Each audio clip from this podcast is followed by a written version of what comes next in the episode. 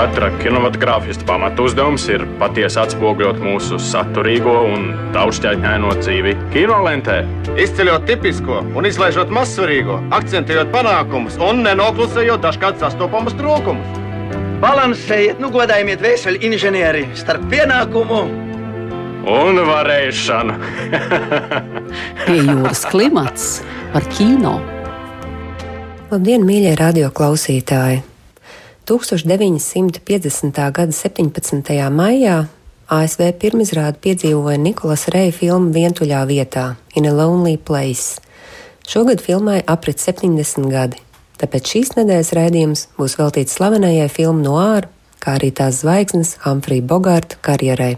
Filmas scenārija pamatā ir Dorotijas B. Hjūzes 1947. gada romāns ar tādu pašu nosaukumu, kas pievēršas Holivudas aizkulisēm un analizē nežēlīgo šovu biznesa mašinēriju.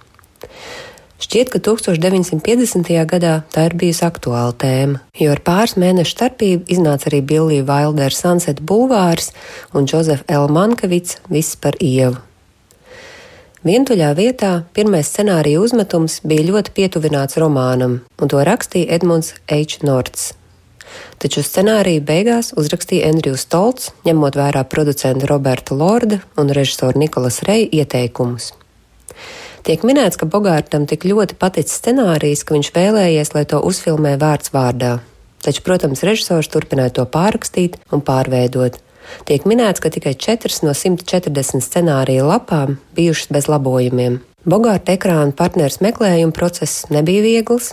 Pirmā izvēle bija aktieru dzīves biedrene Lorēna Bekola, taču studija Warner Brothers atteicās aktrisi izīrēt šim projektam. Otra versija bija Ginger Rogers, kur visiem vairāk asociējās ar optimistiskiem mūzikliem duetā ar Fredo Stēru. Taču Nikolas Reis uzstāja, ka Lorelas Grejas lomai vispiemērotākā ir viņa sieva, Glorija Grējama, un tā joprojām tiek uzskatīta par vienu no aktrises labākajām lomām. Lai arī sadarbība nebija viegla. Abu laulību bija uz iziršanas robežas, un režisors pat esot pārvācies dzīvot filmas dekorācijās. Filmas galvenais varonis ir Bogārta atveidotais scenārists Diksons Stīls, kurš Holivudas aprindās ir iegūst neslavu savu nevaldāmā rakstura dēļ. Stīla karjera ir iestrēgusi, jo viņš nevēlas rakstīt popsīgus stāstus un lētu romānu adaptācijas, un viņš slīkst alkoholā, regulāri uzsākot kautiņus. Kad Diksonam piedāvā grāmatu, kur pārveidot scenārijā, viņš uzaicina garderobistu Mildredu atbraukt pie viņa un izstāstīt tās sižetu. Jo kā esejā, kur publicēta Lielbritānijas filmu institūta mājaslapā, norāda Brets Stīvens, īsti vīri nelasa. Viņš arī uzsver, ka lasīšana kā vājuma un sievišķīguma pazīme parādās ne tikai šīs filmas kontekstā, kur lasītājs ir tikai sievietes. Vientuļā vietā lasīšana tiešām nepie kā laba nenoveda. Mildreda kaismīgi atstāsta Diksonam Lubu romānu sižetu, kamēr drūmais scenārists paliek aizvien īgnāks un nomāktāks. Šī epizode ir ļoti interesanta, jo skatītājam līdz galam nav skaidra Diksona motivācija. Vai Mildreda tika uzaicināta ciemos, jo viņš restorānā pirms tam satika savu bijušo, kur pavaicāja, vai viņš atceras, kā viņa viņam lasīja priekšā, vai Diksons vēlas pārgulēt ar Mildredu, par ko varētu likt domāt viņa lēmums mājās pārģērbties halātā un pidžamā. Vai arī viņš tiešām vēlas tikai to, lai naivā meitene, uz kur viņš skatās ar neslēptu pārākumu, atstāst grāmatas sižetu, jo tāda lēta romāna ir zem mākslinieka goda. Lai vai kā, jaunā sieviete sāk Diksonu kaitināt, un viņš visai rupji norāda, ka ir noguris un aizsūta Mildredu mājās. Taču agri no rīta tiek izsaukts uz policijas iecirkni, jo izrādās, ka garderobiste ir atrasta nogalināta. Paralēli Diksons stils uzsāk romānu ar savu kaimiņienu un savu alibiju - Lorelu Greju, kuras aktrises karjeru būtu grūti nosaukt par veiksmīgu.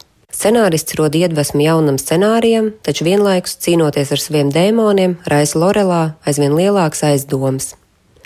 Vientuļā vietā ir reizē filma no ārā un drāma par to, cik ļoti vīrišķība ir savīta ar agresiju un nespēja to kontrolēt. Kā filmas recenzijā norāda leģendārais kino kritiķis Rodžers Eberts, vientuļā vietā kritiķa Kim Morgan ir aprakstījusi kā viena no vistraģiskākajiem mīlestības stāstiem, kas iemūžināts kino lentē.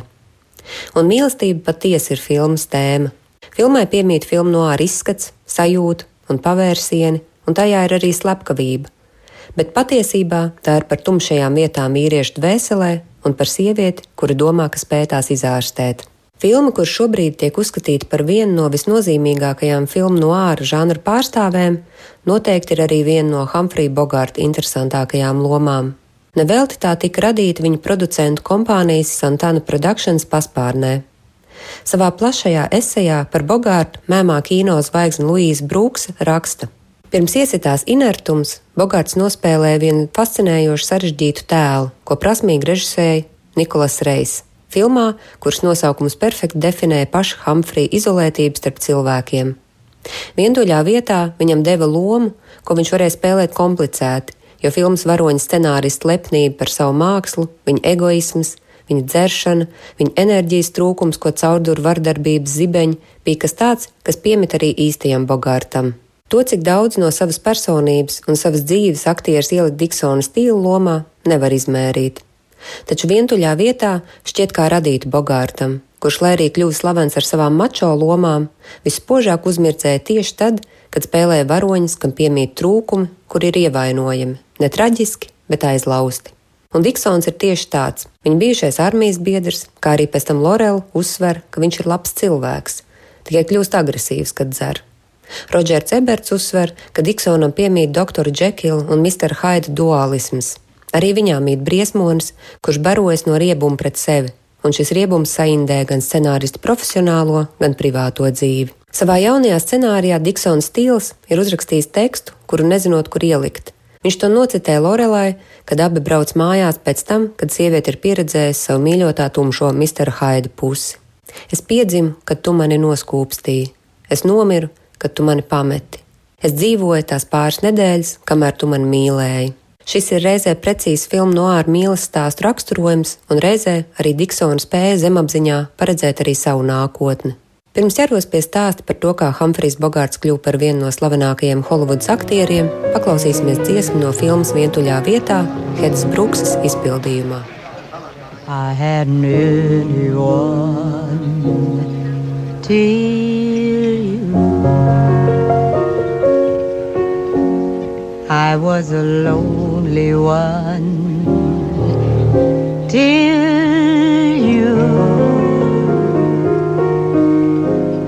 I used to lie awake and wonder if there could ever be someone in this wide, wide world just made for me. Now I see I had to save my love you. I never gave my love till you. And with my lonely heart demanding it Cupid took a hand I hadn't anyone till you. Anything you want to make you happy? 1999. gadā Amerikas Filmu institūts izvēlējās Humphreyu Bogārtu kā amerikāņu klasiskā kino dižāko vīriešu dzimtes zvaigzni. Savas karjeras laikā viņš ir nofilmējies vairāk kā 80 filmās, turklāt vienmēr augstā cieņā turējis disciplīnu. Ieradies uz laukumu laicīgi un vienmēr sagatavojies, kā jau īsts profesionālis. Jau minētā aktrise Luīsa Brooks raksta, ka Bogarts pavadījis 21 gadu, lai no labi audzinātu un konvencionālu teātra aktieru Humphrey pārtaptu par dumpīgo, skarbo kinotēlu Bolgiju. Arī vairāk aktieru laika biedri savās atmiņās ir minējuši, ka Bogarts rūpīgi sekojas līdzi savam publiskajam tēlam. Intīmā gaisotnē viņš bijis vienkārši Humphrijs, bet publiskajā telpā it kā uzlicis masku. Mainījies pat viņa balss tembrs un sejas izteiksme. Bija ieradies varonis, ko visi vēlējās satikt - Bolgijs. Humphrijs de Forests Bogarts piedzima 1899. gada 25. decembrī mākslinieku ģimenē. 1918. gadā Bogarts iestājās jūras karflotē un dienesta laikā ieguva savu slaveno rētu uz augšlūpas. Šo notikumu apvīja dažādas baumas, bet vistuvāk patiesībai esot stāsts, ka kāds gūsteknis, ko Bogarts pavadīja, palūdzis cigareti un, izmantojot iespēju, iesits ar roku dzelžiem Hamfrijam pa seju un meties bēgt. Lai arī Bogarta lūpa bijusi smagi ievainota, viņš noķērs gūstekni un devies pie ārsta tikai tad, kad tas nogādāts ieslodzījumā. Humprija Bogarta ceļš pretī aktieru karjerē sākās 1920. gadā, kad teātra aktrise Alisa Breidī viņu pamanīja un nokārtoja viņam pozīciju kā trupas vadītājam kādai ceļojošai izrādei. Kad kļuva skaidrs, ka Bogarts šim amatam nav piemērots, Breidī viņam piedāvāja nelielu lomu, un tā nu Humfrijs nolēma kļūt par aktieri. Pēc tam, kad Bogarts bija spēlējis jau vairākās izrādēs un arī nofilmējies pāris nelielās lomiņās, nāca viņa karjeras lielais pavērsiens. 1934. gadā aktierim piedāvāja lomu Roberta Šērvuda sastingušajā mežā. Šī loma bija izbeidzis slepkava, un tas bija kas jauns Bogartam, kurš bija pieredzējis spēlēt labos skaistuļus. Tiek minēts, ka brīdī, kad Bogarts iznāca uz skatuves, zālē viss esot aizturējuši elpu. Izrāde bija tik veiksmīga, ka studija Warner Brothers iegādājās tiesības to ekranizēt. Ļaundaru lomai bija noskatīts studijas aktieris Edvards Dž. Robinsons, taču Bogārta kolēģi Leslija Hovarda esot atteikusies piedalīties filmā, ja Humfrijs nespēlēs savu lomu arī ekranizācijā. Warner Brothers padevās un parakstīja līgumu ar Humfriju Bogārtu, kurš nesot aizmirsis Hovardas palīdzību un vēlāk teicis: Ne jau tāpat vienu manu meitu sauc Leslija. Pēc sastingušā meža iznākšanas Bogarts godprātīgi pildīja savas studijas līguma noteikumus, šķīra savu otro laulību un iepazinās ar topošo aktrisu Majo metodu. Drīzumā abi apprecējās un savu kaislīgo strīdu dēļ ieguva neslavu Holivudā. Profesionālajā ziņā Bogarts jutās nogarlaikojies. No 12 filmām, kurās viņš bija piedalījies, astoņās viņš spēlēja gangsteru vai noziedznieku. Tā nu nākamais lielais pavērsiens nāca 1941. gadā ar lomu Dašila Hameta romāna Maltas piekūns ekranizācijā, kur Bogārts atveidoja detektīvu Semu Speidu. Ar šo varoni savā ziņā piedzima arī klasiskais filmu noāra detektīva tēls, kā arī leģendārais Baugijs. Nākamā lielākā loma bija, protams, Riks Blēns, Maikla Kurits Kasablankā 1942. gadā, kur atnes Hamfrijam Bogartam viņa pirmo nomināciju Oskara balvai. Lai arī balvu saņēma Pols Lukas, Kasablanka iegūta trīs Oskars par labāko režiju, scenāriju un kā gada labākā filma, un tā joprojām tiek uzskatīta par vienu no labākajām klasiskās Holivudas lentēm. Play it once, Sam. For all time's sake. I don't know what you mean, Miss Elsa. Play it, Sam. Play as time goes by. Oh, I can't remember it, Miss Elsa. I'm a little rusty on it. I'll hum it for you.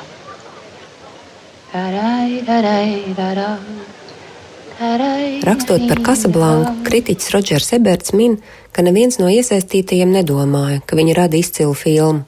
Tā vienkārši bijusi kārtējā A klases Warner Brothers lente.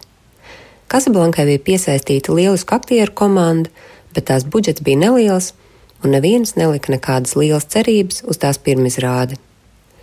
Aktrise Ingrīda Bergmane, kur filmā spēlēja Ilses lomu, atceras, Tas ir apbrīnojami, jo, kad mēs to filmējām, mums nebija nekādas ticības šai filmai. Scenārijs bija tik slikts, un to turpināja pārrakstīt katru dienu. Nekas par šo filmu nebija skaidrs, un mēs nezinājām, uz ko mēs ejam. Es nezināju, kur vīrieti man patiesi vajadzēja mīlēt.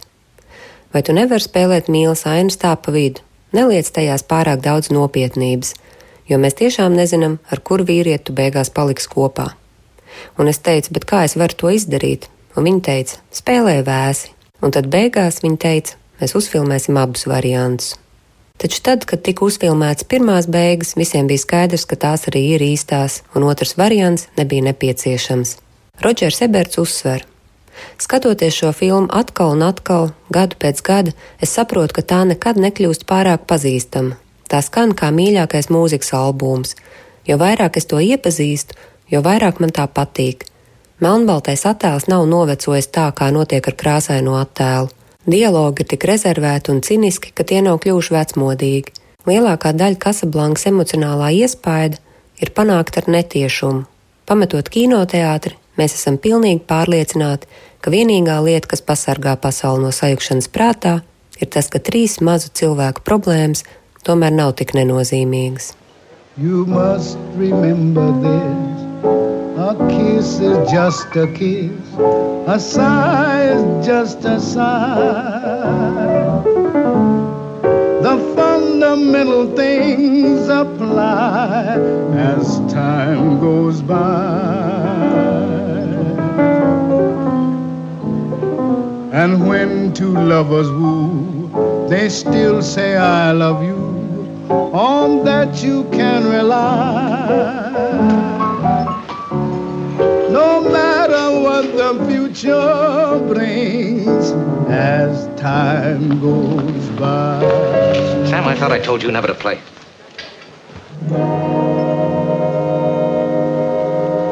1944. gadā Ernesta Hemingveja romāna Kam ir un kam nav ekranizācijas filmēšanas laikā Bogārds iepazinās ar 20 gadus veco Lorēnu Bakolu, jeb īstajā vārdā Betiju Perski. Es redzēju tavas proves, mums būs jautri kopā.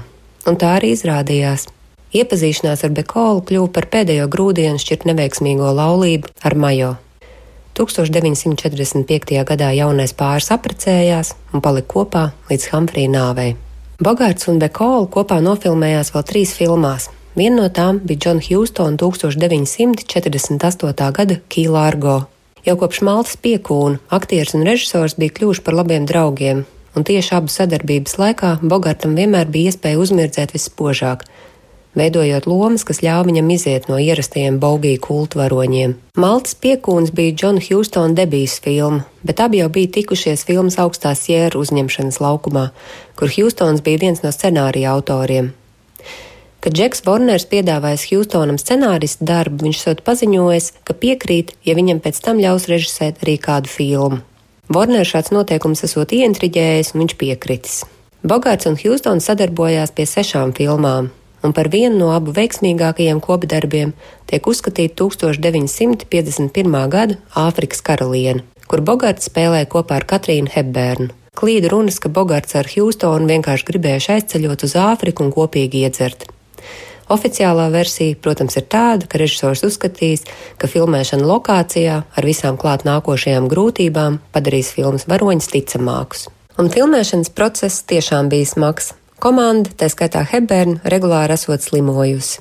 Humfrijs Bogarts pēc tam esot lielījies, ka viņiem ar Hjūstonu gan nesot bijis problēma, jo vietējā ūdens vietā abi dzēruši viskiju. Āfrikas karaliene saņēma labas kritiķa atsauksmes, kas īpaši izcēla Bogārta aktieru darbu.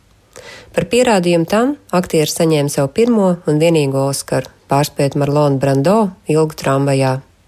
Savā uzrunā viņš pateicās gan Hjūstonam, gan Hebērnai.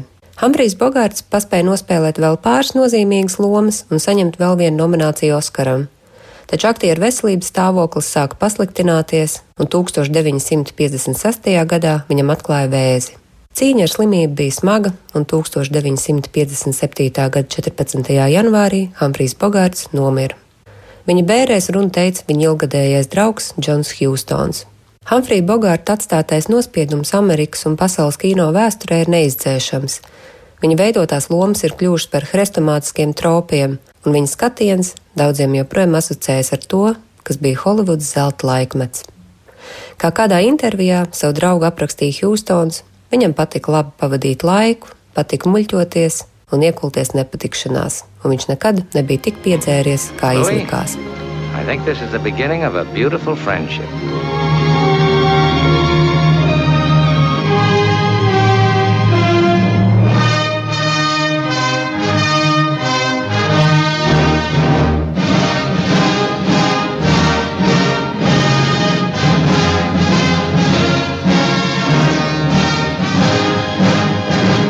Paldies, ka klausījāties!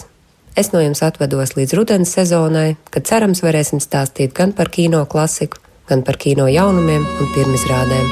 Uz sadzirdēšanos! Pie jūras klimats par kino! Raidījumu vadīja Martelīna Martinsona, raidījumu pie jūras klimats montēja un producēja Inga Saksona. Raidījums tapis ar valsts kultūra kapitāla fonda finansiālu atbalstu.